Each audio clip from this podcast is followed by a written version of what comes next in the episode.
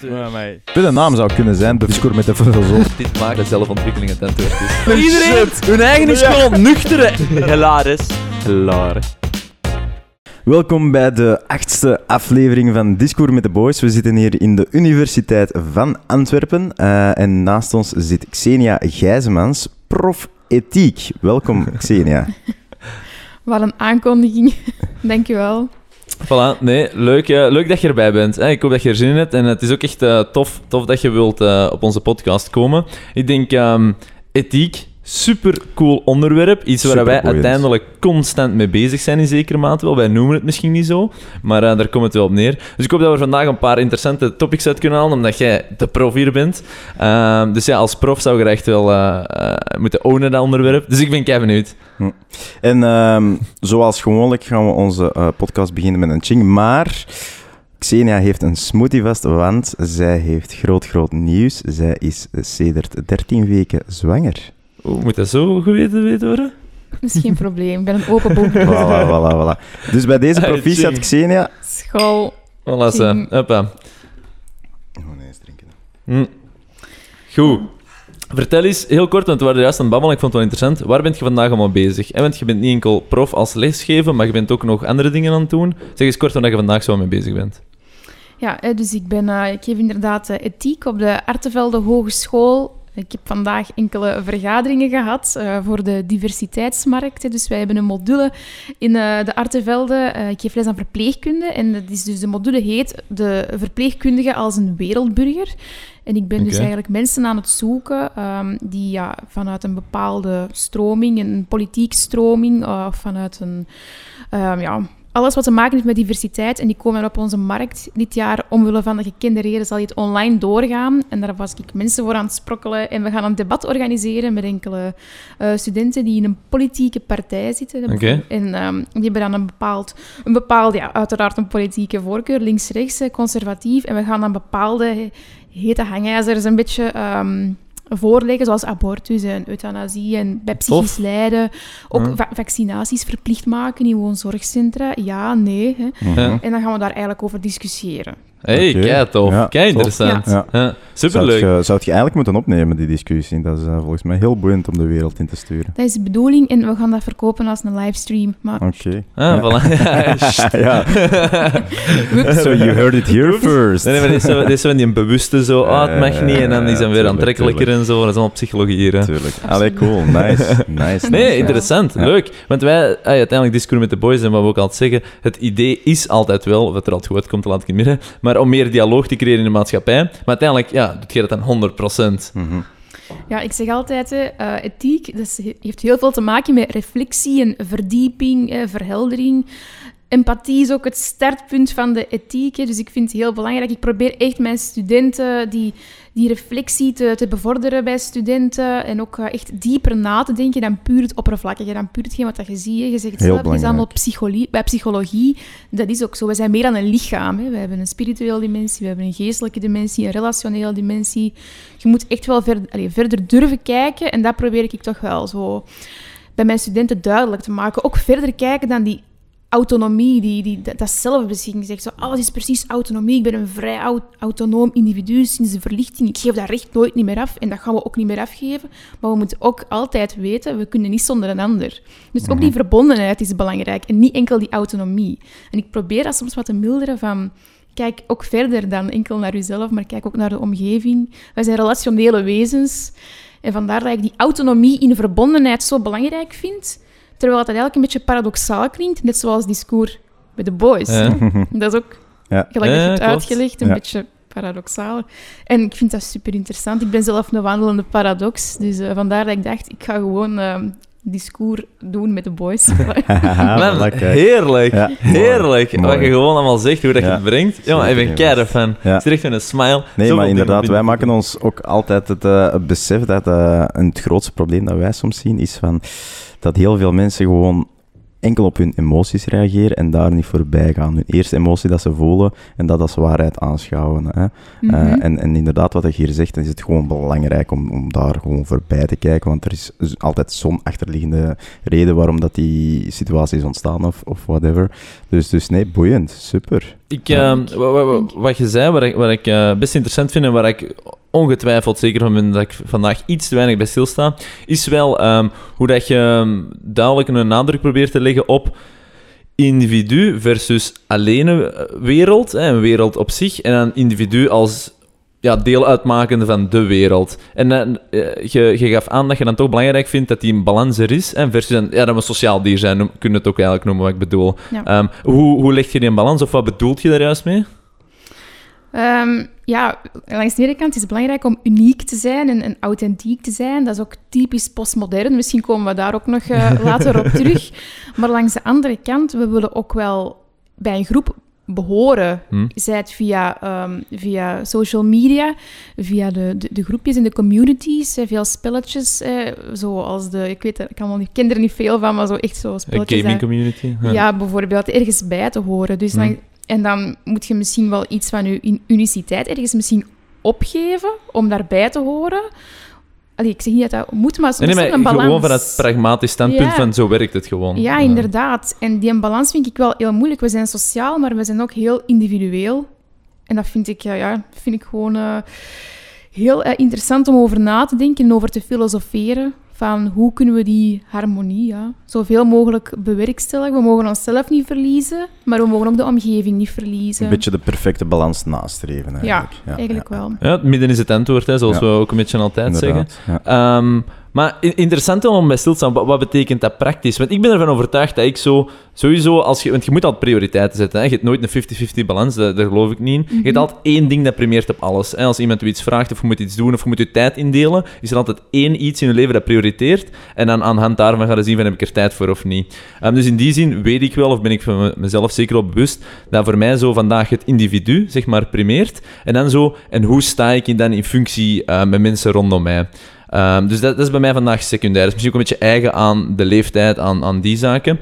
Maar los daarvan, ehm, hoe, hoe ziet je dat praktisch? Of, of, hoe, of hoe kun je ten aanzien van jezelf stellen, hmm, misschien is dat deel van mijn leven, dat sociaal aspect aan, iets te weinig onderbouwd of iets te weinig in mijn leven aanwezig, waardoor dat je dat moet gaan ehm, ja, meer ontwikkelen, om het zo te zeggen. Hoe kun je dat directeren? Want je kunt misschien ook... Want iedereen heeft andere noden, hè? dus hoe kun je voor jezelf zeggen van, nu zit dat volgens mij goed, nu zit dat niet, of, of hoe kijk jij daarnaar?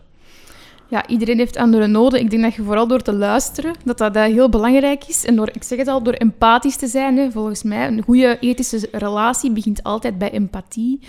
Ehm, het, het feit dat je zo zegt van, ja, e- eerst het individu en daarna de omgeving, ik denk dat dat inderdaad heel ja, normaal is. Ik bedoel, ergens zijn we allemaal, denk ik, een klein beetje egocentrisch en Ja. ook eh, gelukkig maar. We zouden niet overleven anders, eh, Sowieso. denk ik. Mhm. Is niet praktisch. Ehm, maar eh, ja, bijvoorbeeld om een, pra- een, een voorbeeld te geven, een heel relevant voorbeeld, denk ik in deze tijd. Je zou kunnen zeggen, ik wil bijvoorbeeld geen vaccinatie hè, van, ehm, voor het, eh, het coronavirus. Waarom? Ja, dat is mijn recht, dat is mijn autonomie. Ik, heb dat, ik moet dat niet, ik kies dat zelf. Ik ben Mhm. baas over mijn eigen lichaam. Dat is een keuze voor jezelf en dat is ook ethisch gelegitimeerd op basis van de autonomie. Maar langs de andere kant, als je kijkt naar solidariteit ehm, en de verbondenheid en kwetsbaarheid, is dat wel een moeilijke. Maar daar zou ik heel graag op willen inpikken, want Ja. ehm, ik denk dat ook heel veel mensen zeggen dat eh, eh, de beslissing maken van oké, ik wil niet gevaccineerd worden, eh, niet per se volledig autonoom is, maar ook vanuit eh, de groepskeuze eigenlijk dat beslissen. Want is het wel een juiste keuze om iedereen te vaccineren? Wanneer is het conformisme en wanneer Voilà. schaadt je de rest? Is dus ja. inderdaad, het is een beetje te bekijken, want zo'n vaccin, ehm, inderdaad voor een selecte groep van de bevolking is dat eh, interessant. Eh, maar langs een andere kant is het ook niet tegen te spreken dat, dat je uiteindelijk eh, het immuunsysteem van heel de, een grote groep van de maatschappij eigenlijk gaat verzwakken door dat vaccin te geven. Dus wat is dan eigenlijk het belangrijkste? Dus zo kan je het ook zeker bekijken. En ik denk dat dat dan niet Mhm. vanuit autonoom is, maar dan terug eigenlijk naar de, Ja. de solidariteit gaan, maar dan niet gericht op de zwakken van de maatschappij, zal ik zeggen, of de, de mensen dat het De nodig meest hebben. kwetsbare. ja. Voilà, Mhm. dat, eh, ehm, Mhm. dan, dan tegenover de rest. Dus dat is ook een, eh, een, een perspectief. hè. Ja, absoluut. hè. Daar heb je gelijk in. Dat Ja. is wel een heel boeiende vraag, om het misschien gewoon iets groter te trekken. Ehm, uiteindelijk zeg je zo van, wat is de balans van ehm, sterke versus zwakke? En wanneer moet je kiezen voor de zwakke en wanneer voor de sterke? En wanneer zeg je, ik bedoel, wees sterker en word sterker en los het, zel- los het op? Mhm. En wanneer zeg je van, nu is het niet aan u om op te lossen, maar wij nemen de verantwoordelijkheid om uw probleem samen met u op te lossen? En het is uiteindelijk een beetje zo hetgeen wat je zegt, hè? Volgt je of Mhm. niet? Ja. Je bent een beetje aan het fronsen. Hè, maar mag, hè? Ja, ja, het is oké. Oké, dank je. Ehm, hoe, hoe ziet je dat? Ehm, anders moet je het toch nog eens een keer herhalen. Oké. Ehm, nee, nee, ça va. Wat ik, eh, wat ik wou zeggen is, ehm, zo- zodra dat je... ehm, moet ik het zeggen? De wet van de sterkste. hè? Ja. Eh, dat is eigenlijk de- wet van de beste aanpasbaarheid, en dat maakt me Mhm. niet echt uit. Mhm. Gewoon dat gegeven. Die zegt eigenlijk van... natuurlijke selectie zorgt ervoor dat de... Ja, hetgeen wat het beste past bij de- natuur, als je het Mhm. in zekere maand kunt noemen, dat die het meeste overlevingskans hebben en eigenlijk de meeste voordelen genieten. En ook ja, dat de natuur daarop net is afgestemd. Eigenlijk die Mhm. alleen overleven, zou je kunnen zeggen.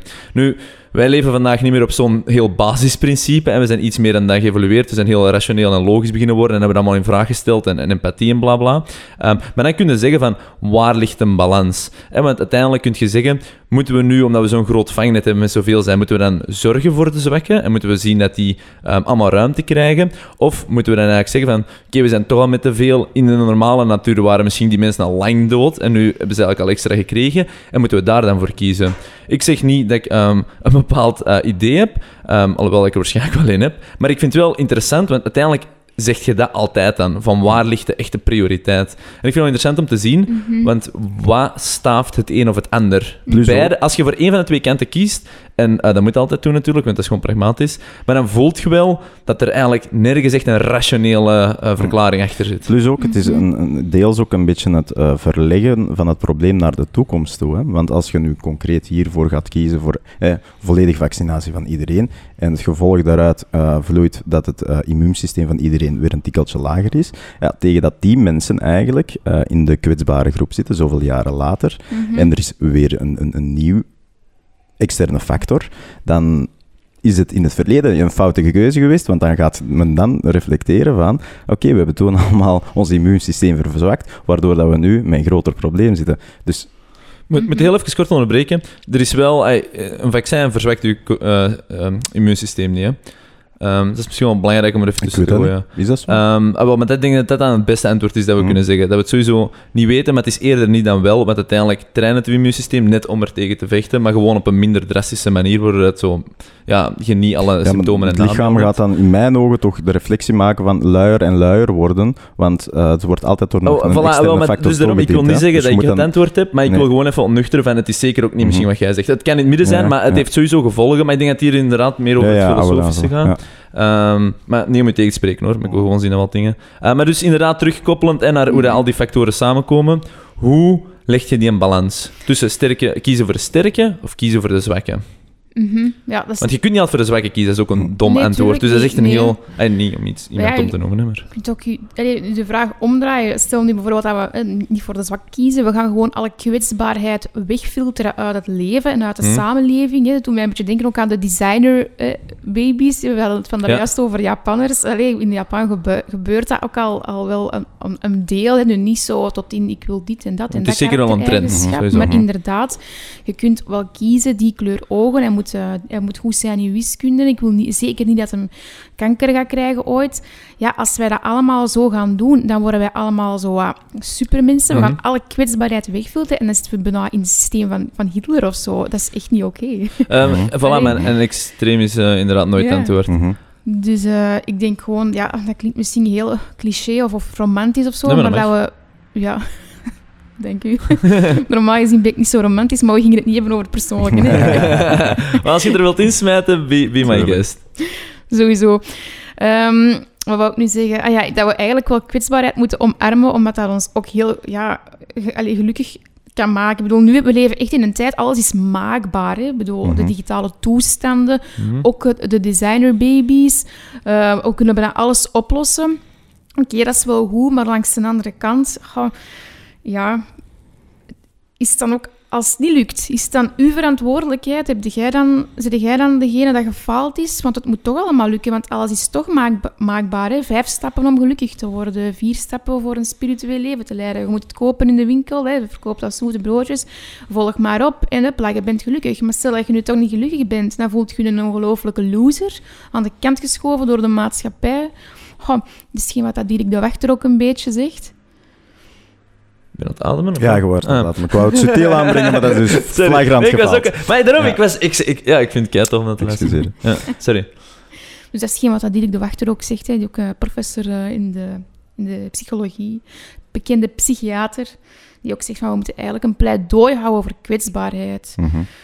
Ehm, Maar dat dan is het ook, is. ook ja. een beetje een acceptatie van die kwetsbaarheid, heb je het nu over. Hè?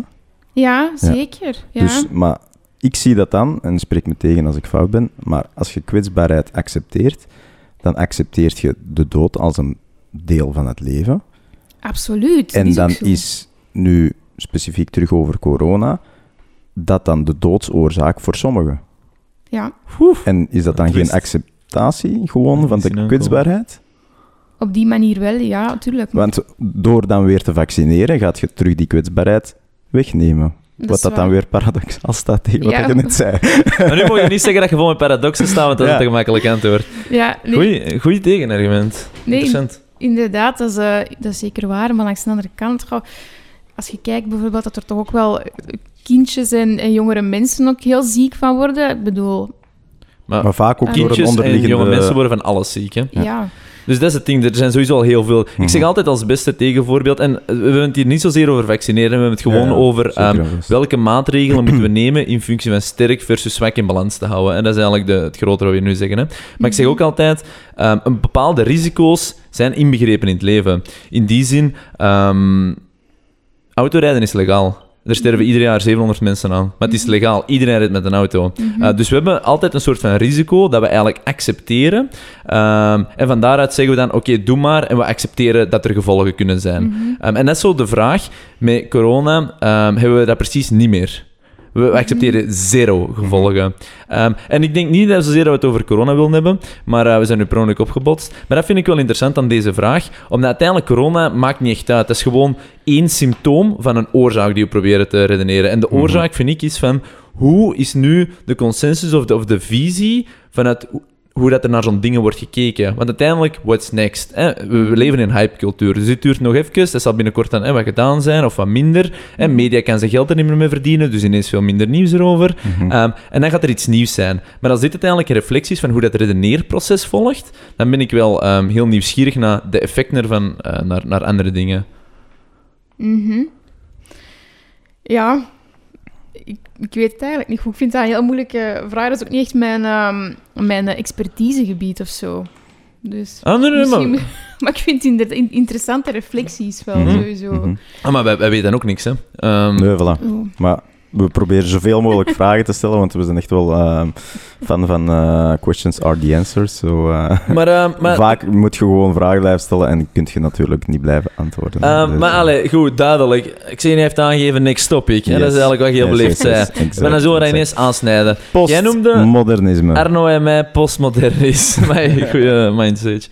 Eh, wat bedoelt je ermee? Vertel eens heel kort wat dat betekent, dat woord. Ehm, Ja. En ja, ik weet niet. Of ging het, ging het over ons persoonlijk of over het gegeven van de podcast? Het gegeven van de podcast vooral. Hè. Je zegt van hè, de, de discours met de boys. Discours is een beetje formeel. En dan eh with the boys is dan hier eerder zo wat het speelse, het ludieke, het, Mhm. het onnozele, echtige doen. Hetgeen dat je kijkt wat er op tafel staat. Een smoothie, eh, whisky, een engeltje, een bombastisch engeltje. Een, een foto van, vanuit uh, Phuket. hè. Dat zijn allemaal verschillende elementen. Mhm. Nu, postmoderniteit is een begrip eigenlijk dat, dat is ingeleid geleid door eh, Jean-François Lyotard, dat is een filosoof. In 1969 heeft hij eigenlijk gezegd, alle grote verhalen zijn geclashed. Hè. Het kapitalisme, marxisme, communisme, liberalisme, maar ook het katholieke geloof bijvoorbeeld, het katholicisme. Vroeger was dat een draad, een rode draad Hm. in ieder zijn leven. Mhm. Was best wel gemakkelijk. Uh, maar nu, dat is allemaal weg door secularisatie, dus het ontvolgen van de mensen opzichte van de religie. En nu zitten we eigenlijk zo'n beetje in een tijd waarin dat niks nog... Er is geen absolute waarheid. Wij vertoeven in een soort van relatieve waarheid, maar niks is absoluut. Niemand heeft de waarheid niet meer in pacht. Gemaakt. hè. Dat is een heel belangrijk onderdeel van die postmoderniteit. Met gevolg ook wel een beetje onzekerheid, relativering. We leven op de maalstroom van het leven. We gaan mee met de golven. Dus dat is een, een metafoor die vaak gebruikt wordt. hè. De parabel van de maalstroom. We zitten op, ja, je kent de maalstroom is in een draaikolk. Ja. Dus, eh, en en de, ook de, de wegwerpmaatschappij, het overconsumentisme. We maken ons maar alles eigen, eigen, eigen, eigen, omdat we authentiek willen zijn. Maar is het eigenlijk nog wel authentiek? Hè? Wat is eigenlijk de definitie van authenticiteit? Dat is ook nog zoiets. Hè? Wat is er nog eigen aan postmoderniteit? Ja, dat is zo inderdaad, dat, dat speelse, het ludieke, het eclectische. Hè? De verschillende elementen samen. Heel over heel serieuze dingen praten, over de dood.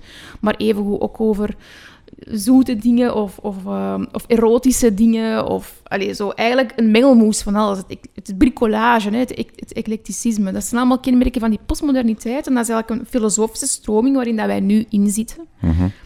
Fucking Dus poëet. dat is- ik heb, ja, ik dat moet is echt heel mijn mooi. vocabulaire gaan trainen. Ik dacht dat ik soms goed babbelde. Maar Heel damn. mooi omschreven, wat dat we ook in de vorige afleveringen hebben Mm. aangehaald, Ik is heb eigenlijk geluisterd, ja. eh, wat dat we zeggen van, we zijn zo op een punt gekomen dat zo heel het eh, overlevingsdoel van de mensheid zo wegvalt. En nu zitten we zo in een, een beetje zo een gat dat de mensheid is gevallen. En daardoor dat alles door elkaar komt. En wat what's next? Wat is het nu? Wat, wat is de mens zijn doel momenteel? En dat is, er zijn zoveel antwoorden op. Er zijn zoveel mogelijke Voilà. richtingen op. En daarom dat dat nu zo allemaal...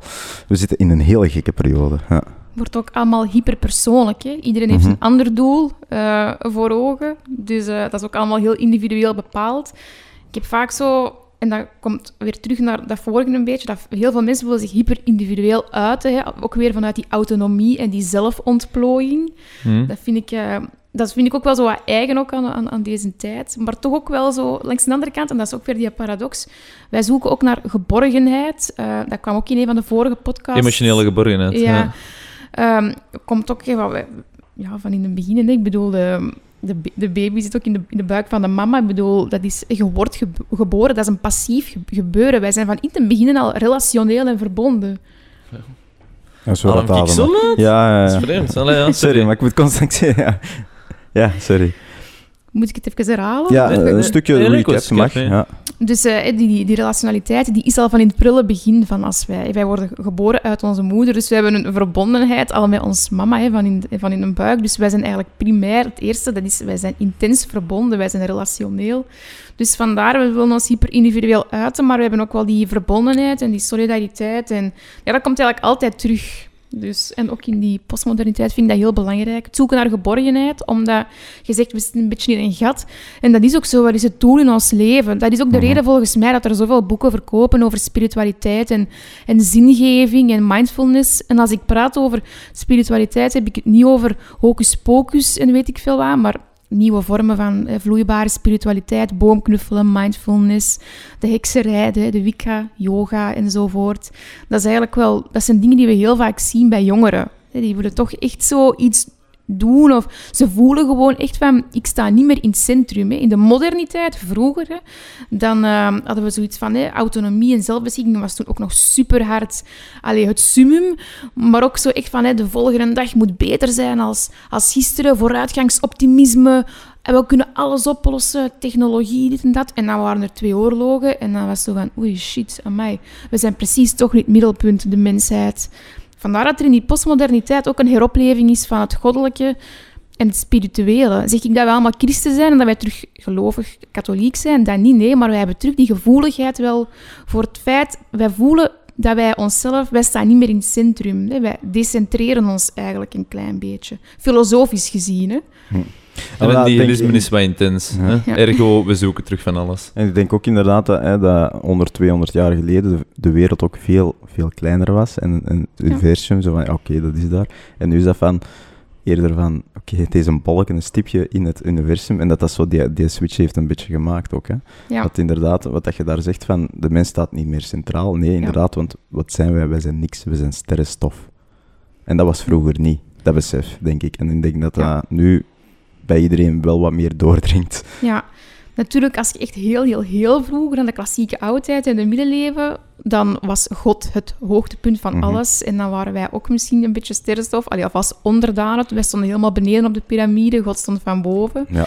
Dus toen waren we dat ook een beetje, maar dan is dat Het is een andere metafoor. Ja, ik snap het. Ja, dus je hebt eigenlijk eerst de premoderniteit, God staat centraal, dan heb je de moderniteit, de mens staat centraal, dan heb je de postmoderniteit. Er is eigenlijk een verbinding of een soort van een, een correlatie, een relationaliteit, een relationaliteit tussen God en de mens, met de mens uit het, het midden eigenlijk. En God of iets transcendent, maakt niet uit wat, een kracht, iets, het ietsisme, dat is in de mode tegenwoordig, dat staat dan in, in het midden. Dat is eigenlijk een heel korte samenvatting van die drie filosofische stromingen. En ehm, als je dan kijkt, wa- wa- wat ik zo wat noem eh, de hypecultuur. hè. Je merkt wel dat er nu altijd zo heel hard wordt consensus gezocht in bepaalde aspecten. Eh, maar je merkt dus voornamelijk dat er echt heel veel geroepen wordt. ehm, en weinig nagedacht, zal ik het noemen. Ehm, of, of weinig eh, ehm, zichzelf gerelativeerd. Heb je het gevoel dat dat daar ook ehm, aan gelinkt is? In die zin, wat ik terug hoor soms in postmodernisme, zijn wel toffe dingen. En van, je staat bij jezelf stil, je denkt wat na, dit en dat. Eh, maar anderzijds hoor ik precies ook wel het gevaar van jezelf niet te vinden en dan een beetje een, een, eh, een projectiel te worden van wat er leeft. Ehm, ergo, hè, die angst voor, ja, God is er niet meer, dus oei, wat doe ik hier nu? Ja. Ehm, en dat je daardoor zo, ja, ik kan niet op het woord komen, maar het is al sinds een puntje-puntje projectiel, dat zo alle kanten uitgaan. Never Mhm. mind. Ehm, heb je het gevoel dat die twee in elkaar in verbinding staan? Staan die los van elkaar? Zegt hij iets anders? Hoe, hoe zit je dat? Nee, ik denk dat je dat wel kunt eh, associëren aan elkaar, inderdaad. Er is geen absolute waarheid niet meer. We moeten de waarheid zelf maken, maar niet iedereen is daar even goed in om het eigen verhaal zelf te maken en de eigen waarheid te vinden. Dus waarom gaan we dan niet ja, ons scharen achter andere bewegingen, soms vaak heel conservatieve bewegingen ook. Hè. Bijvoorbeeld hè, mensen die dan zeggen van, oh, bijvoorbeeld ja, die, het Trump van een onnozelaar en dit en dat, maar dat je dan eh, roepen, roepen, oh, dit en dat. Of, of het is allemaal, of, of racisme, dit of dat. Maar als je, dan, als je dan doorvraagt, ze weten eigenlijk niet over wat ze spreken. Ze kunnen geen enkel Mhm. argument geven. Ja, ja. Dat is inderdaad, dat is wel een lege doos dan. En dat is dan wel, Ja. wel jammer. Een Ja. lege Ja. doos. Ja. Ja. Dat is mooi. ja, nee. Ja. Ja, alles wat wij denken verwoord je Ja, net ja, een tikkeltje beter, dus Ja. wij moeten gewoon ja zeggen. Nee. Xenia, een andere vraag. Heb jij goesting om een van de boys te horen? Zeer zeker. Maar Ehm, zolang nee, ik er maar niet eh, boys en girl van maak, is het goed. Want eh, ik ben helemaal niet echt een... ik ben niet zo'n feministe. Ah, voilà. Ah, wel, maar, wel, met de boys is maar gewoon Ja. een term, hè. Ja, Eh, met de humans. dat. Ehm, maar... Dus ehm, met de filosofen kan ook nog Ah steeds. ja, oeh, ja, ja, dat is ook nog een goeie. Ja. Nee, nee, maar interessant wel. En Ja. ehm, wat, wat, wat ik vind, en wat- dus ik, ik ervaar de vraag die ik zelf vroeg natuurlijk een beetje, waardoor ik de vraag kon stellen in de eerste plaats. Ehm, maar dus uw antwoord, ik kan me daar, daar best wel in vinden, maar ik heb het gevoel dat er dan ehm, toch wel twee andere stromingen zijn binnen postmodernisme. In die zin, één partij, en ik noem het, en ik kan ernaast zitten, maar accountability is hier key. En één partij die dan toch in slaagt om accountability te nemen over die angsten, over die onzekerheden en er eigenlijk gewoon praktisch mee aan de slag te gaan. Van oké, het is nu zo, ik heb angsten, ik bedoel, laten we eens wat testen, laten we eens wat voelen, laten we onszelf Mhm, wat mhm. sturen. Uh, wat misschien heel rationeel is en minder emotioneel, maar um, that's that. En anderzijds heb je dan... Um, eigenlijk allezelfde dingen, dezelfde angsten, dezelfde twijfels, dezelfde onzekerheden, al die dingen leven, maar daar wordt er dan gekozen voor de verantwoordelijkheid te externaliseren. Eh, internaliseren versus externaliseren. Wat zou je zeggen? Uh, want ik zou graag naar mezelf kijken, in die zin dat ik denk dat ik ze wat meer internaliseer, en maar dat klinkt nu ook cooler, dus natuurlijk wil mijn ego dat. Maar los daarvan, um, hoe ziet je die twee vormen? Want er zijn heel veel gelijkenissen, maar het is eigenlijk precies een core dat ontbreekt, maar Mhm. hoe... Heb je ideeën rond hoe dat die core kan gestuurd worden? Of dit, want dat is ook Is weer dat- nature versus Komt, nurture. komt dat ergens van een kopingsmechanisme? Denk eh, dat een, de, de ene groep eh, meer kopingsmechanismen heeft waarom dat hem dat aan kan Hm. en dat een andere dat niet heeft, waardoor hem eigenlijk hervalt in van oké, ik moet een selecte groep kiezen waar, waar dat ik eigenlijk mij eh, bij aansluit en dan kan ik eigenlijk op basis van andere mensen hun keuzes mijn keuzes maken. Mhm. Ah, Wel, dat is nu grappig. Dat toen mij, hetgeen wat jullie verwoorden, dat is een beetje zo exact hetgeen wat dat een andere, heel, een van mijn favoriete sociologen zegt, Sigmund Bauman. Ik weet niet dat je hem kent. Hij heeft vier metaforen voor de postmoderne individuen om om te gaan met die angst. En het eerste wat voilà. dat je zegt, hè, zo, we, gaan dat, we gaan ervoor gaan, hè, we gaan die angsten, we gaan de- die accountability, we gaan daar tegenaan gaan. Dat is eigenlijk de speler, zegt hij. Dat is de, speler, dat zijn de mensen die gaan ervoor. Niet superveel empathie, echt vooral op het individu gericht. Ja, no, no offense. No herkenbaar, offense. herkenbaar. Mhm. Ehm, ja, die springen, hè, die zitten in de maalstroom. Dat zijn de mensen die springen in de maalstroom. Hm. Die denken, ik blijf hier niet op dat bootje. Ik vertrouw de tradities niet meer. Ik spring eruit en ik zwem gewoon richting de... Fijn. Ja, uit, uit de veiligheids... Hè, dus richting de... Ja, dus ze, ons, ze ontsnappen aan de dood. Dat zijn de spelers. Dat zijn mensen die heel ondernemend zijn ook. Ja. Ik denk dat jullie daar heel goede voorbeelden van zijn. Ehm, dat bedoel ik echt positief. Hè. Ehm, en dan heb je bijvoorbeeld de toerist. Dat zijn dan... Dat Leuke namen. ja, de toerist. Ja, dat is- inderdaad. dat is eigenlijk zo de persoon die zo in het bootje blijft zitten en die wil zo wel zoals een speler zijn, maar die durft eigenlijk niet goed. Die denkt, oh, ik heb toch wat schrik, ik kan toch wat vasthouden aan dat bootje of aan dat wrakstuk, want ik durf eigenlijk niet zwemmen, ik ben te bang, ik kan toch d- nog niet loslaten. Dat En die, een- en die zal pas zwemmen als hem eigenlijk de spelers ergens zo- goed zien aankomen. Of zo. Dan is het van de eerste dat een ander hem boven springt van ja, oké, oké. ik Voilà, ja. daar, ja, Ja. oké. En dan heb je nog twee andere types. Dat is de flaneur en de vagebond. De flaneur, dat zijn de oppervlakkige mensen. Die hebben zoiets van, "Goh, we doen allemaal niet mee. We, we, we hebben mismeetings met mensen, zo heel oppervlakkige ontmoetingen. Maar voor de rest gaan we niks ondernemen. En de vagebonds, ja, de vloek van de moderniteit natuurlijk. Want die konden vroeger ja, niks bijdragen. De vagebonds, dat zijn de mensen ja, die... eh, een beetje zoals de toeristen, maar dan nog minder geëngageerd. Zo overal zo wat... Het is nog steeds geen bijdrage. En overal wat whisky drinken. Dat is niet Zo, zo wat de hermit-style, of hè?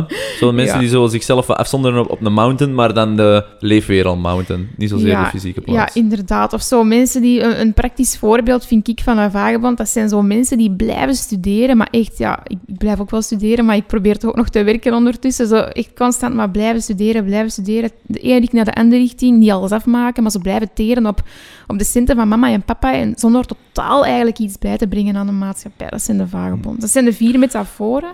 En nog interessant, een andere metafoor van de moderniteit. Dus Mhm. vroeger, dat is de pelgrim. Dat zijn mensen die kunnen hun bevrediging uitstellen. Hè. Die kunnen hun voetsporen zien in Ja, de instant woestijn. gratification, dat wilde zeggen. Of net er niet aan meedoen. Niet aan Oh ja, meedoen, voilà. De Ja, pelgrim dus niet. dat, De ja. speler en de toerist en zo, die iets meer, die willen dat wel. Hè. Bijvoorbeeld de bol.com-mentaliteit. Vandaag bezorgd, gisteren in huis. Ja. je kent dat wel. Ehm, dat is zo wat typisch ook, in- dat leeft in onze postmoderniteit. Hè, dat we zo alles direct willen. Wij willen onze be- bevrediging niet alles uitstellen. nu. Alles moet Ja. nu, momentaan. Kiekervaringen. Ja. Dat is typisch. En ehm, uiteindelijk, eh, niemand is, is een extreem. Je hebt altijd wel zo'n overwegende persoonlijkheid, maar iedereen zal van alles wel stukjes herkennen van, eh, dat heb ik soms Ja. wel, en als een spectrum. Ja. Ehm, maar wat is zo'n beetje... Ja, dit zijn mega complexe vragen, maar ik denk mijn vraag, wat is ehm, de manier om daarmee om te gaan? Waarom? Omdat... Ja, ik- denk als je alles wat je nu hebt gezegd eigenlijk een beetje combineert, er volgens mij een vrij goede holistisch human. Het probleem is dat iedereen altijd in bepaalde facetten eindigt. Langs de andere kant, dat is net individualiteit. Maar los daarvan hebben we eigenlijk ook dat momenteel met die visies een idee van, dat is nu eigenlijk het juiste.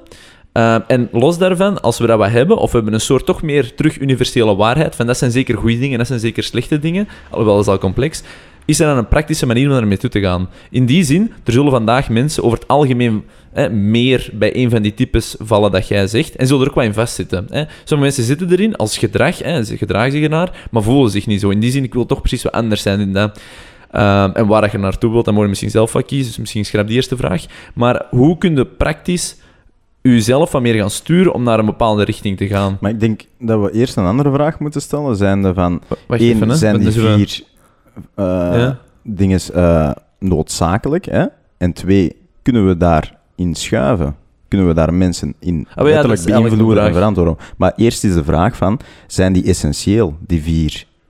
Uh, maar dat is gewoon een manier om te omschrijven, denk Ja, ik. ja, ja, maar ik bedoel Ja, maar zijn gewoon vier, eh, vier, zes of whatever. dat zijn vier metaforen. Dat is, Mhm. helemaal niet, dat is gewoon een weergave. Dat is helemaal niet dat dat iets exclusief, Ja. exclusief is of dat het zo moet zijn. Dat is een beschrijving van de postmoderne bestaansconditie aan de hand van enkele metaforen. Ja. Ja, maar er is wel een reden waarom dat ze ook worden omschreven. En er is wel een Ja. reden waarom dat zij er ook zijn. En is het ook een essentie dat zij er zijn, omdat zij dan toch indirect misschien toch een bijdrage hebben aan het Mhm. grotere geheel. Dat bedoel ik. Mhm. Ehm, Ik denk die vier metaforen. Ik heb zelf, en ook trouwens Simon Bouwman, een, een vrij negatieve visie op de postmoderniteit. Ik ben nogal een klassiek op dat vlak. Ik wil echt wel een rode draad in mijn leven. En wat is eigen aan die metaforen? Dat ze allemaal complex zijn. Het is een beetje een cacophonie van allemaal eclect- eclectische ehm, karikaturen die misschien ook niet al te veel empathie hebben en, en, die vooral voor, voor zichzelf gaan en, en die zo heel gefragmenteerd door het leven gaan. Fra- Fragmentatie is ook zo'n belangrijk kenmerk, hè? zoals een episode. Hè? Ze zijn episodische figuren. Dan doen ze dat, dan doen ze dat,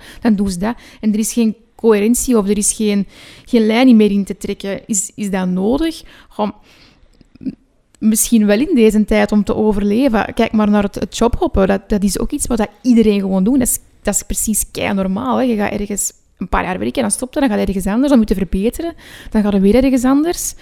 Ehm, het, het, het rally shoppen bijvoorbeeld, hè, wat wil ik daarmee zeggen? Dat is een samentrekking van religie en shoppen.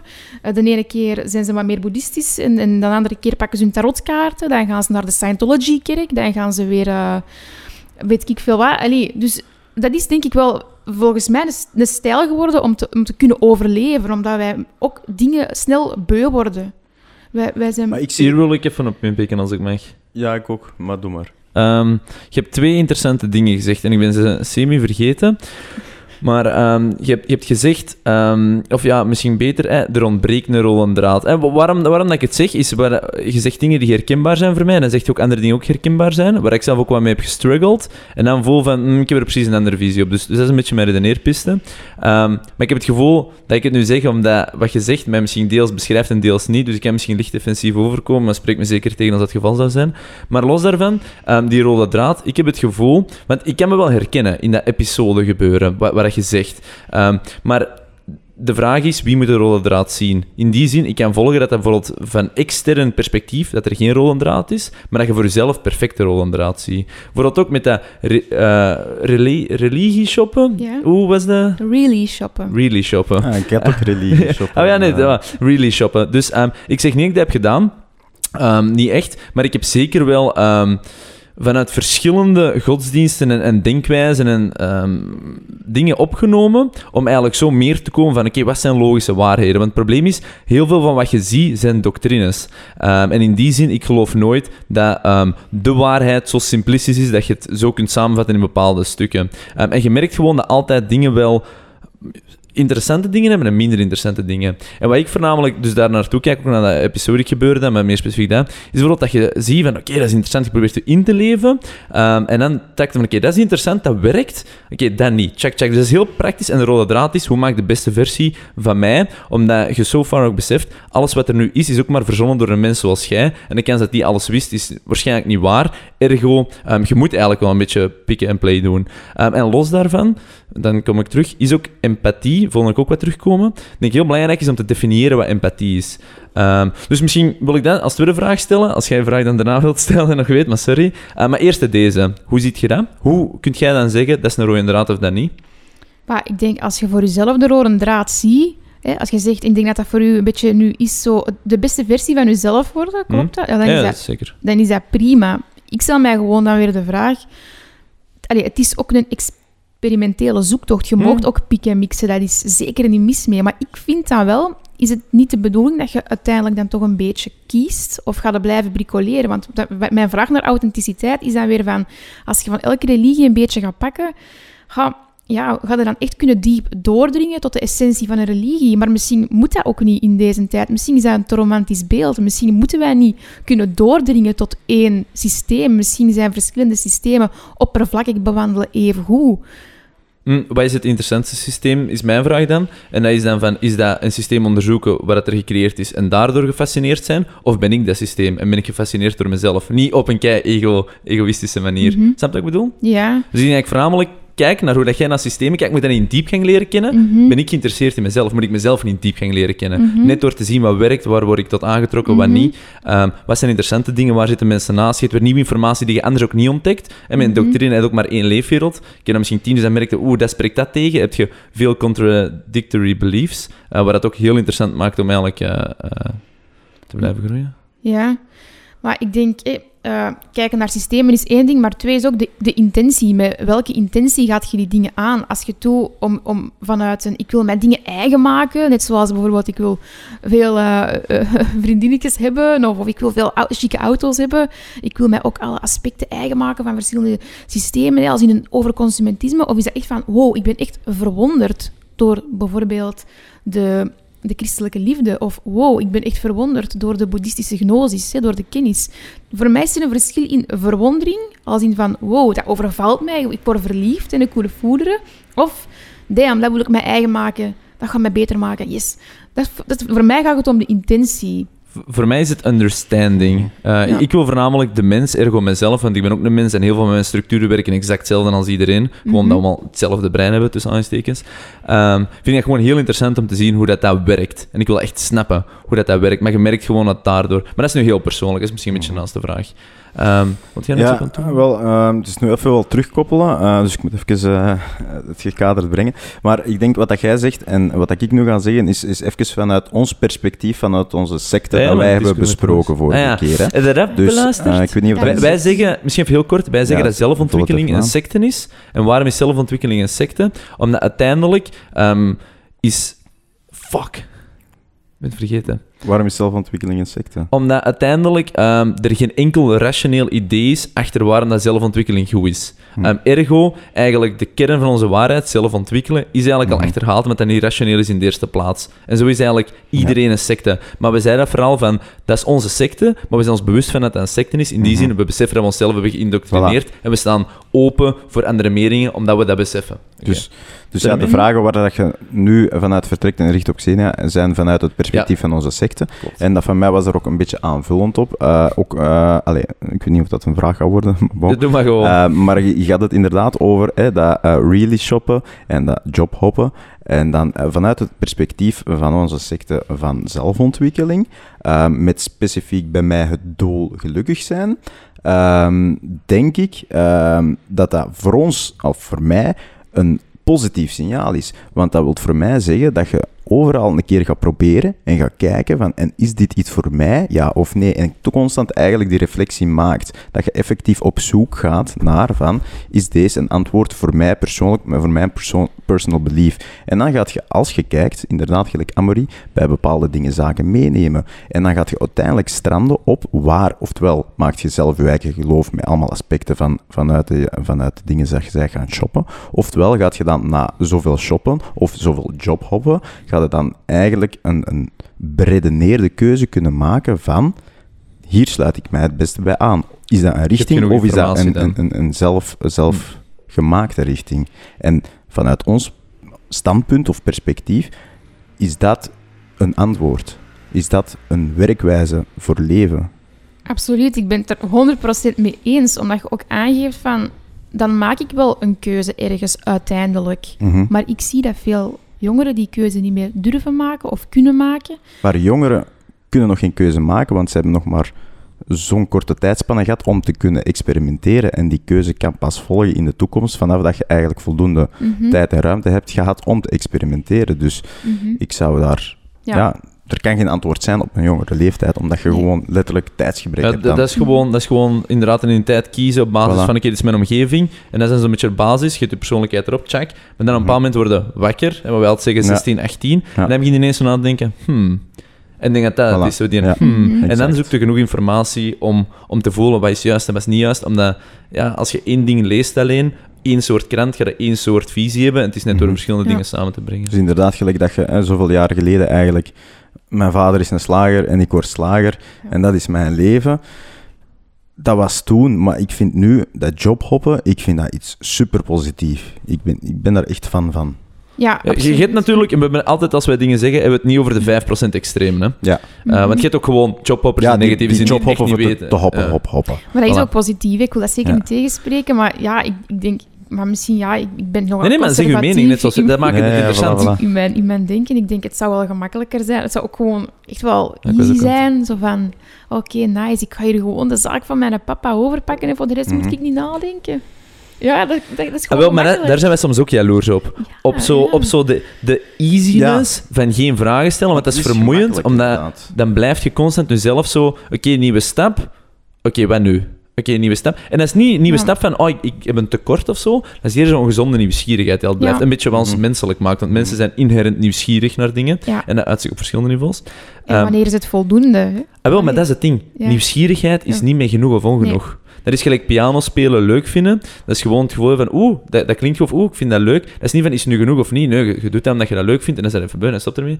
Ehm, en zo is dat constant. Maar ik denk inderdaad, als het komt vanuit een gemis een noodzaak, een ik heb iets tekort, Mhm. dat is een fout startpunt. Nu, je start altijd natuurlijk met een beetje gemis. En ah, ik bedoel, we moeten realistisch blijven. Maar als dat de, de, de, de, de bigger thing is waarom dat je iets doet, is dat altijd fout. Maakt niet uit of dat je het beste gedrag ooit doet, of het slechtste gedrag ooit. Als het komt vanuit ik wil iets overcompenseren, is dat altijd een fout startpunt. Ehm, maar los daarvan, ervan uitgaand dat gewoon zo een soort van nieuwsgierigheid is, alles in het spectrum, eh, nogmaals. Ehm, maar ik denk, denk dat dat wel is, denk ik, oprecht, waar ik wel kan zeggen, na al heel veel introspectie te hebben gedaan, dat heb ik gemist, heb ik een nood, ben ik dingen aan het overcompenseren, 100%, laat heel duidelijk zijn. Maar dat wel meer komt echt vanuit een, dit ben ik, ik ben gewoon inherent nieuwsgierig, right, hoe, hoe zit het in elkaar, versus, ehm, ik moet dit nu doen om echt per se die identiteit te hebben, om dan dat en dit en dat te doen. Ik ben wel van daaruit gestart, maar daaruit is meer en meer dit aan het komen. Dus ik voel gewoon, hoe meer dat ik het doe, hoe slimmer dat ik word voor mezelf, in functie van, hmm, zo werkt het. Mhm. Ja, een beetje analoog met de, met de liefde. Ik reflecteer ook veel over liefde. Ik, geef, ehm, ik heb hier vorig jaar lezingen gegeven over de vijf verschillende vormen van liefde. En ik had toen ook een, een, ehm, een stelling geponeerd van hè, in deze tijd veel meer mensen worden single of blijven single zonder dat ze dat willen. Terwijl dat eigenlijk wel ja, raar is, zou je dan ergens kunnen zeggen. Want je hebt verschillende dating sites. ehm, je hebt een heel liefdesbuffet. Je, moet gewoon maar kiezen eigenlijk, ja, of, of swipen. Hè. Je moet niet meer zo het ijs breken hè, door te zeggen live, hè, hoe, gaat het, hoe is het met u? Nee, je swipet gewoon naar rechts en je voelt je de beste mens ever. Allee, dan denk ik, eh, toch zijn er meer mensen nog, nog single. Dan vraag ik, en ik had aan de stelling geponeerd van, wat vind je nu eigenlijk, ja, mijn studenten, wat zouden we nu kunnen doen om, om dat terug, ja, die, die liefde terug, of, of, of omdat minder mensen ehm, single zouden zijn, hè, meer relaties terug te Maar eh, dan te zit je heel beperkend Wacht, wacht even. binnen een bepaald veld aan het denken, zijnde wat dat over het algemeen geaccepteerd is als eh, relatie, trouwen en één vaste partner. Dat is nu het grootste deel en dat is de juiste waarheid momenteel, maar ik voel daar precies de laatste jaar ook wel zo'n beetje een shift in van... ehm, was een is dat wel het antwoord ook? Hè? Is dat wel het juiste? Want hè, je kunt wel eh 40, 50 jaar getrouwd zijn, maar allee, we gaan niet liegen. Iedereen zal ook wel eens een nood hebben of een dinges ervaren of een twijfel ervaren van zich. Hoe zou het daar of daar zijn? En, en moet dat dan niet gewoon transparant kunnen zijn? Kun je dan niet één of zelfs meerdere partners hebben? En, en dat Ja. bestaat. Maar waarom is dat zo klein? Wacht, hè, En is zijn dat misschien ook een, een, een, een heel belangrijke piste om te onderzoeken en dan te combineren met de huidige Mhm. algemene... Sluit heel even eens af met één ding dat je wilt Ja. zeggen, want je hebt Nee, een nee, paar dingen tegelijk dat is het, gezegd. Dat is het gewoon. Nee, maar Ja. Ja. Oké, misschien wel... Zitten, we, zitten we te beperkt in het veld eh, wat dat we nu al zijn aan het denken? Maar dus, ik, ik, ik ging nog verder. Ik ging het over ja. polygamie hebben. Ja, voilà, voilà, super. Ik had gezegd, hè, wat, wat gaan we doen? Je mocht kiezen naar drie dingen voor hè, terug meer mensen, hè, dus minder singles. Eén, we voeren polygamie of polyamorositeit. Hè. Twee, we gaan het ideaalbeeld aanvallen op de liefde. Dus geen mooie lichamen niet meer, maar ook curves en, en wat alles, wat dat ook perfect mooi is. Of drie, we voeren terug gearrangeerde huwelijken in. Eh, geen een van de drie. De hel. Ehm, ik denk, oké, sorry, maar was ik misschien te vroeg? Ja, nee, maar jij wordt er juist, nu ben ik. Godverdomme. waar, dat is moeilijk. ja, excuseer. En eh, ik, er waren eigenlijk 30% had polygamie gezegd en dan 50% of zo had ehm, eh, het ideaalbeeld aanvallen Hmm. en dan de rest had, ehm, 20%. ja, 20%, ja, mijn wiskunde is niet, hè, had eh Ze zit gearrangeerde wel zo weg in wiskundigen, hè. Maar, ehm, Oké. gezegd, ja. Wacht, hè, maar hier, dit vind ik een kei interessant onderwerp en ik zeg u dat Ja, vaak. dat Hè. weet En ik ik. wou het eigenlijk met, een- want we hebben ook misschien een relatietherapeut ook nog, en ik denk dat het ook interessant is mentaal, maar bon, we zijn hier nu beland. Ehm, wat is uw, uw stelling of wat is uw vraag? Want ik vind het een heel interessant topic en ik wil het er eigenlijk echt wel even over hebben. Want, ehm, maar wat is, uw, wat is uw stelling? Of, of wat is... Weer heel klassiek. Ik denk dat het misschien niet slecht zou zijn, maar ik ga echt mega, dat gaat echt mega hard raar zijn dat ik dat nu ga zeggen. Maar ik denk ook in sommige gevallen zijn gearrangeerde huwelijken niet slecht, denk ik. Als je een goede mama hebt en een goede papa, die het beste willen voor je kind, Ja. voor hun zoon of voor hun dochter, die pakken een goede meisje voor u, een goede jongen, je leert iemand graag zien, ehm, dan denk ik dat dat wel zou kunnen werken. Is dat ideaal? Waarschijnlijk niet. Het beknot je vrijheid enorm. Hè? Maar, ja...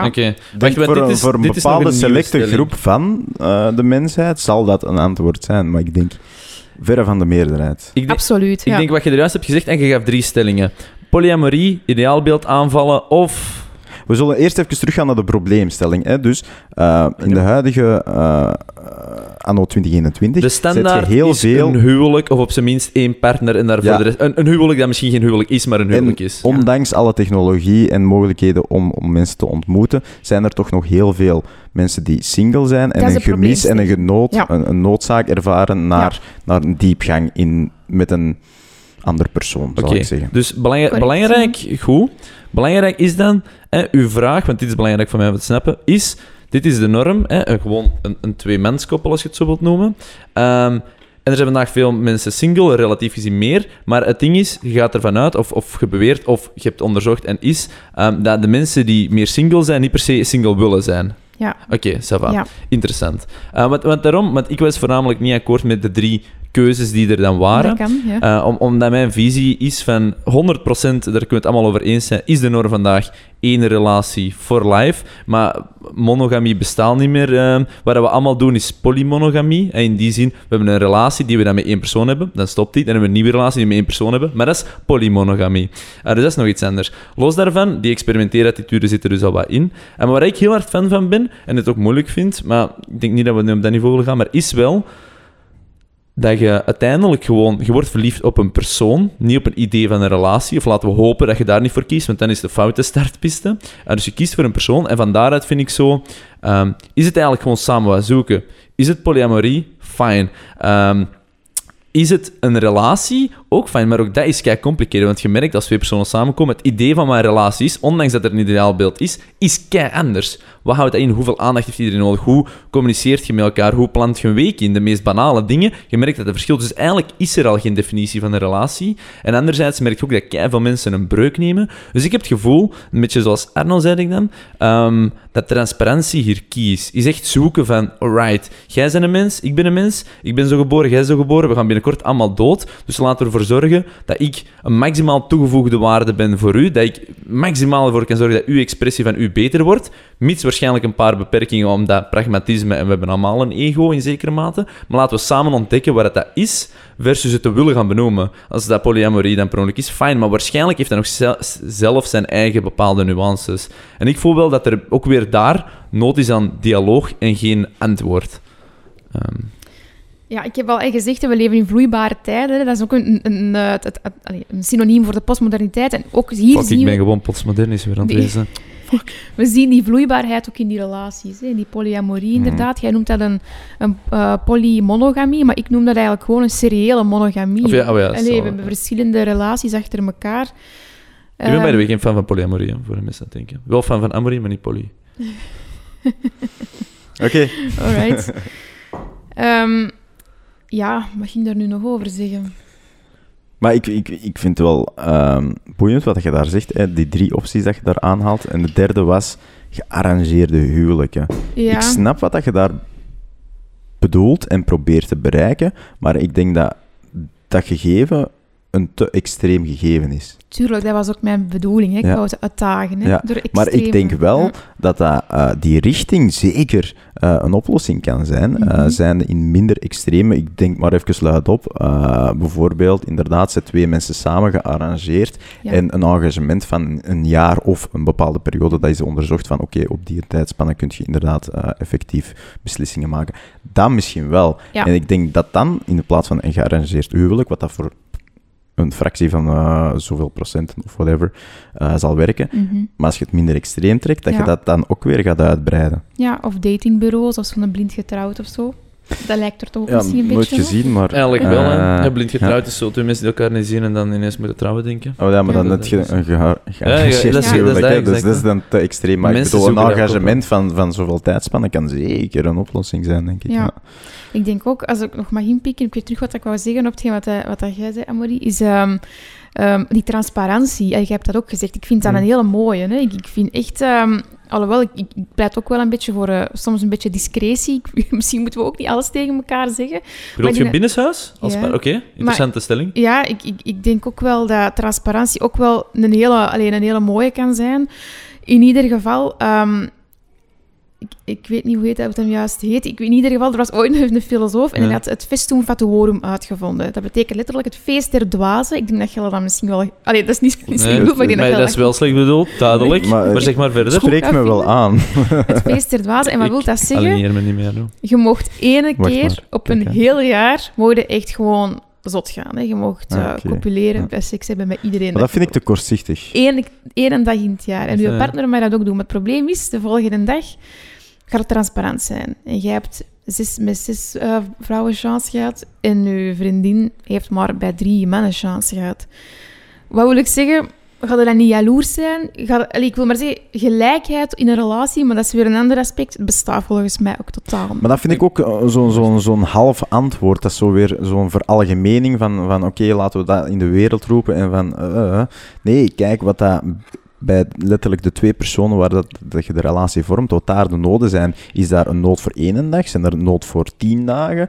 Kijk individueel meer daar, want dan is het ook weer zo gebaseerd op van, ja, weer zo'n algemeniteit. Ik, ik volg wel een beetje in Ja. die zin. Ik, ik heb zelf ook wel mee gestruggeld met die vraag. In die zin, ehm, gewoon kei simpel. Hè, want we trekken het direct op seks en dat is al standaard het meest gevoelige dat er is. Maar ik kan nog iets veel gevoeliger zeggen, wat minder gevoelig is en gevoeliger tegelijk. En dat is, je bent niet elke dag op je partner even verliefd.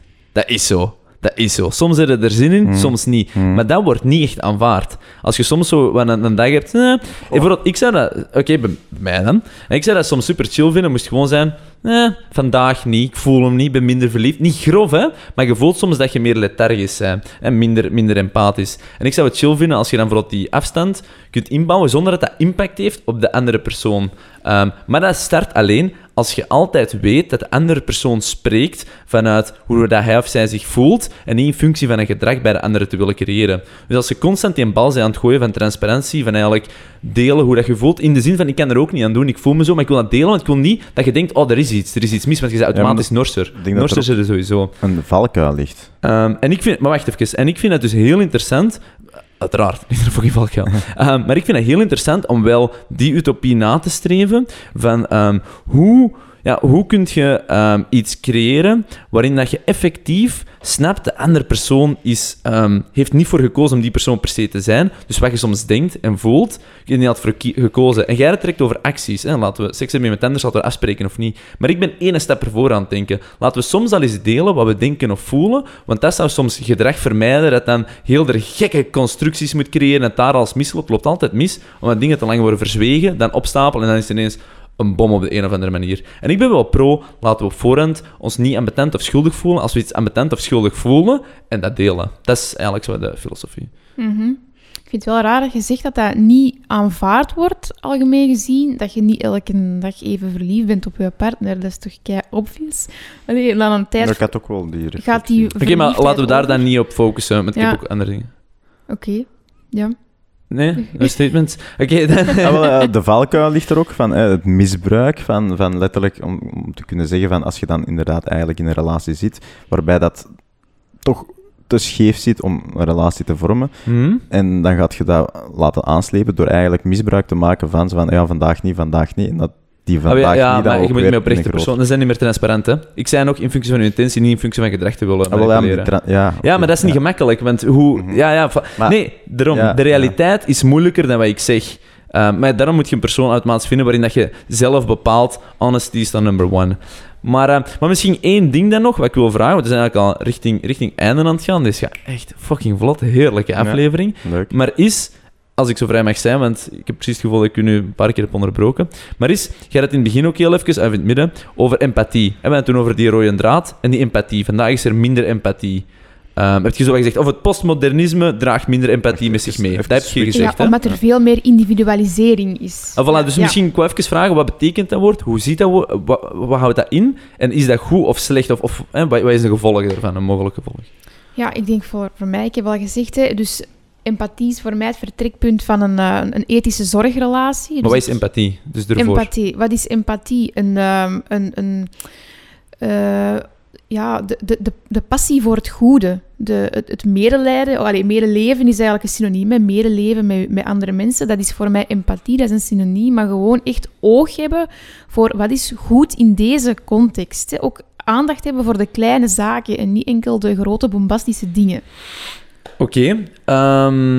Ça va, er, komen een paar dingen in mij op. Hè. Maar, maar misschien empathie. Ik, vind, ik heb misschien twee statements die ik heel kort wil maken. En dan moeten zeggen wat empathisch is of wat niet. Ehm, er is iemand dik. Ehm, dik, dik, ongezond dik. Hè. Eigen voeding, gewoon dik. Hè. Laten we het niet corpulent noemen, net dik.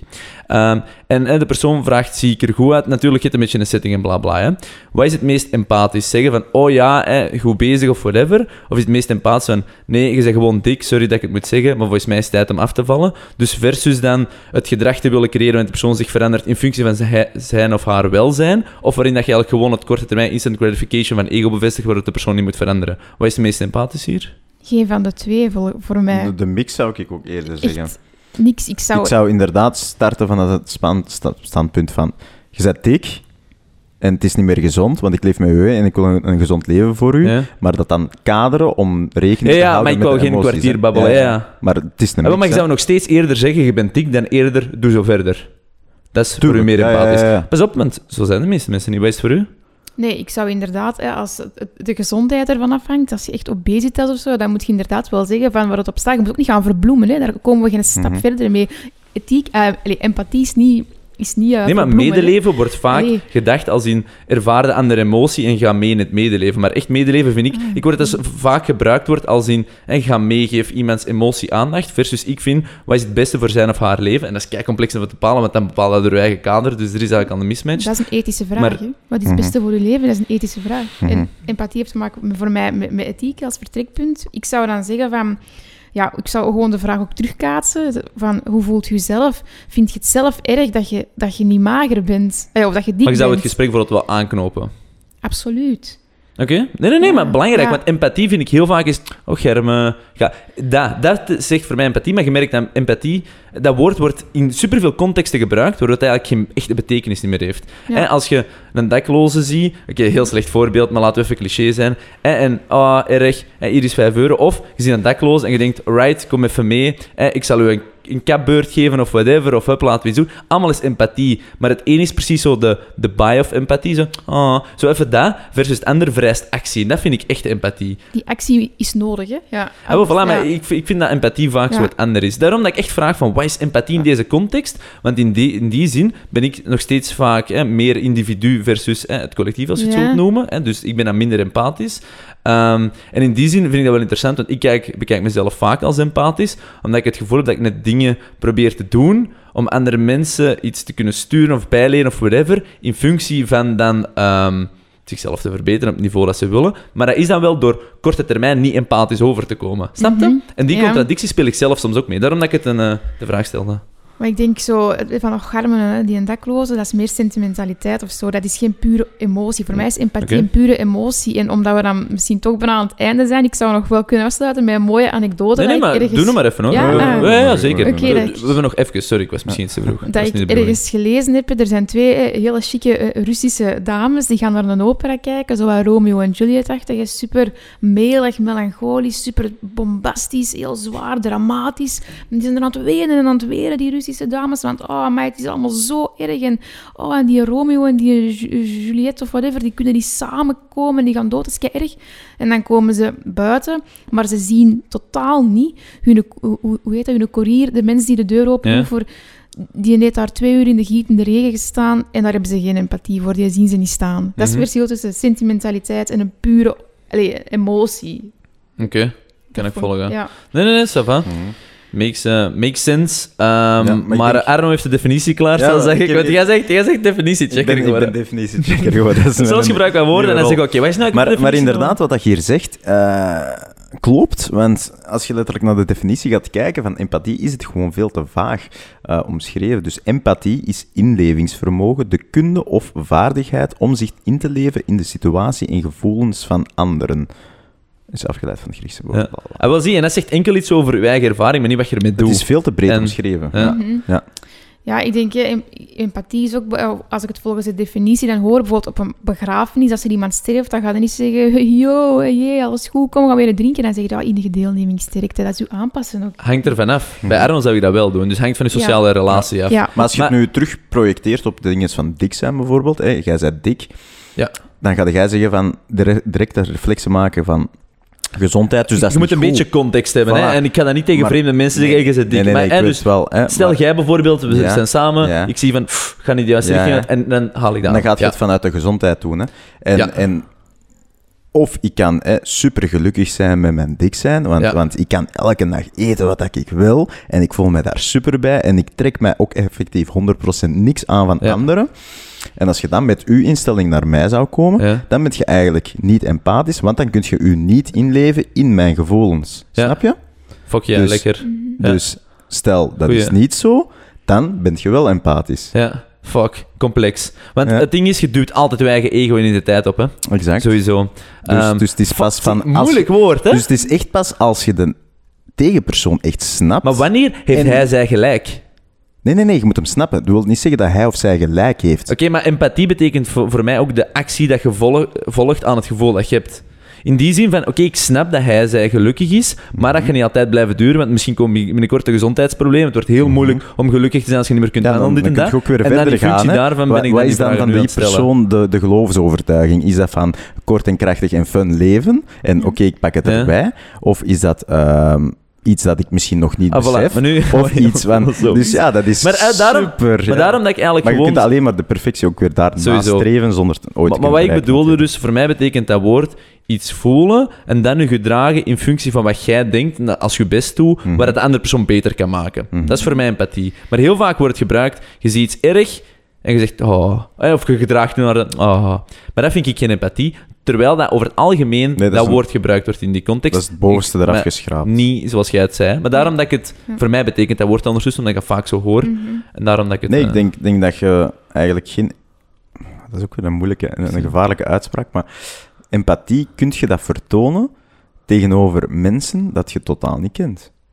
Volgens de Laten we, definitie. ik zie ineens antwoorden. want Wij waren even een discussie aan het voeren. Dat je eh, empathie kunt tonen aan mensen die je niet kent. Bedoelt, je- dat was de Ja, vraag. ja, kun je empathie vertonen aan mensen of individuen eh, dat je niet kent? Volgens de definitie. Oh, ik heb een kind. Goh, ehm, ik, ik denk het eigenlijk wel, maar volgens de defini- definitie inlevingsvermogen, ik denk ook gewoon als je een beetje gevoelig bent en een beetje menselijk bent, dan gaat het sowieso, als je een gesprek hebt met iemand, iemand toch wel voor een heel groot deel kunnen inschatten al. hè. Je moet niet iemand tot op, de, bo- tot op het Ja, maar ik wil maar zeggen, bijvoorbeeld die, die, Ja, dat voorbeeld van de Russische dames, hè, de, Ja. de, de portier dat er staat in de regen, Ja, ze gaan geen gesprek aan. Hè? ja. Dus er is ook gewoon geen context, geen Mhm. inschattingsvermogen. Dus moet er dan empathie... Ver... Is, is er een noodzaak om empathie ver- te vertonen? Ja. En kan die vertoond worden zonder daar eigenlijk eerst mee in gesprek mee te gaan? ja, door bijvoorbeeld een kleine handeling, een schouderklopje, punt. Ja, maar hoe Dat is weet voor u jij genoeg, op hè? Je voor- weet nee, niet nee, dat dat voor hem Hoe weet jij op is. voorhand dat?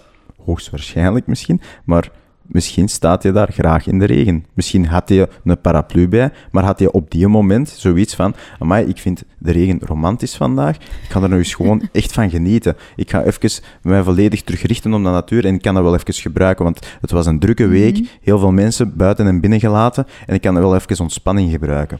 Of Ja. mijn douche is thuis kapot en ik kan even in de regen. Hey, ik geef maar een paar voorbeelden mee, hè. Maar, ja, Maar zonder daar dan eerst dat gesprek mee aan te knopen, maar is het ook weer een veranderstelling van. En is er is dan ook nood aan? En Dan is er misschien minder nood aan, maar dan kan het toch nog altijd geen kwaad om te zeggen amai, jij hier nu in de regen staan? Amai, chapeau. Of vond jij dat plezant? Of heb jij graag even een paraplu? Of wil jij graag mijn jas? Dat kan geen kwaad.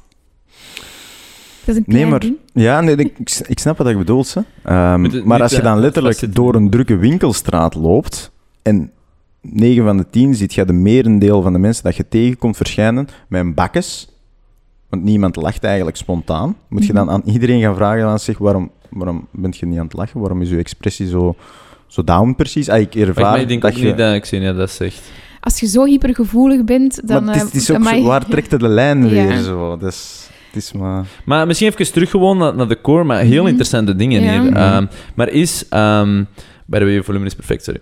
Ehm, is... ehm, hoe... Wat is de definitie die postmodernisme aan empathie geeft? En, hoe kan, en waarom concludeert hij dan aan te weinig? Dat is een heel interessante vraag, ja.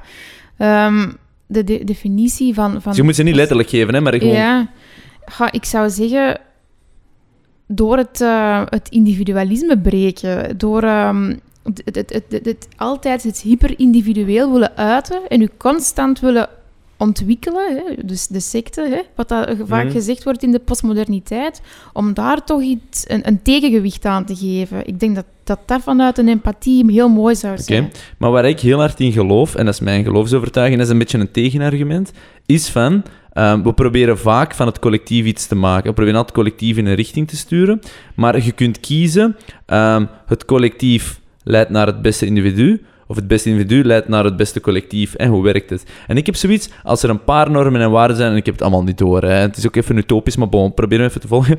Maar als er een paar normen en waarden zijn, en we zijn het er allemaal over eens, ja, wat zijn die dan, en bla bla, en maar, ehm, die leiden tot een goed individueel leven, dat automatisch leidt tot, oké, ik voel me goed, ik heb geen noden of stress dat ik moet overcompenseren, of, eh, want de meeste dingen die je slecht doet, is altijd vanuit zoiets een zelfgemis. Dus als je zelf dat gemis oplost, en daardoor een beter individu bent, word je automatisch enthousiaster en heb je meer mentale energie vrij voor anderen, want dan, als ik in gesprek ga met u, probeer ik niet u te gebruiken voor mij een gevoel te geven, nee, ik ben al done, dus ik kan u een gevoel aan u geven zonder dat ik iets terug verwacht, en daardoor ga je automatisch een beter collectief hebben. Dus voor mij, voor het collectief aan te pakken, zie ik het collectief goed of slecht als symptoom van de individuele oorzaak. Mhm. Ja, dat, dat doet mij ook denken aan hetgeen wat je nu zegt aan eh, zo het gelaat van de ander. Zo, dat is, ik weet niet of je die filosoof nee. kent, dat is eh, Levinas. En ehm, die zegt, en dat is ook heel, heel belangrijk ook in de zorgverlening, dat we echt moeten kijken, de ander als, niet als een object zien, maar echt als een subject. En niet als een subject waar dat wij van kunnen cumuleren, maar echt als een totaal andere. Iemand dat wij echt totaal anders moeten, moeten beschouwen. En daarom ook het gelaat van de andere. Niet het gezicht of zo, maar echt het, het gelaat, omdat dat zo'n abstract begrip is. Dat is ook nog iets wat je zou kunnen linken met die empathie in een, in een postmodern klimaat. Elkaar beschouwen als de, als de andere eigenlijk. En niet als iets meer van mezelf. Kun je dat laatste nog eens één keer herhalen? Dus de ander is iemand compleet anders en niet iets Ja, als iets cumuleerbaar. ja, ja, dat voor u te gebruiken is Ah, of dit ja. of dat. Ja. Ja.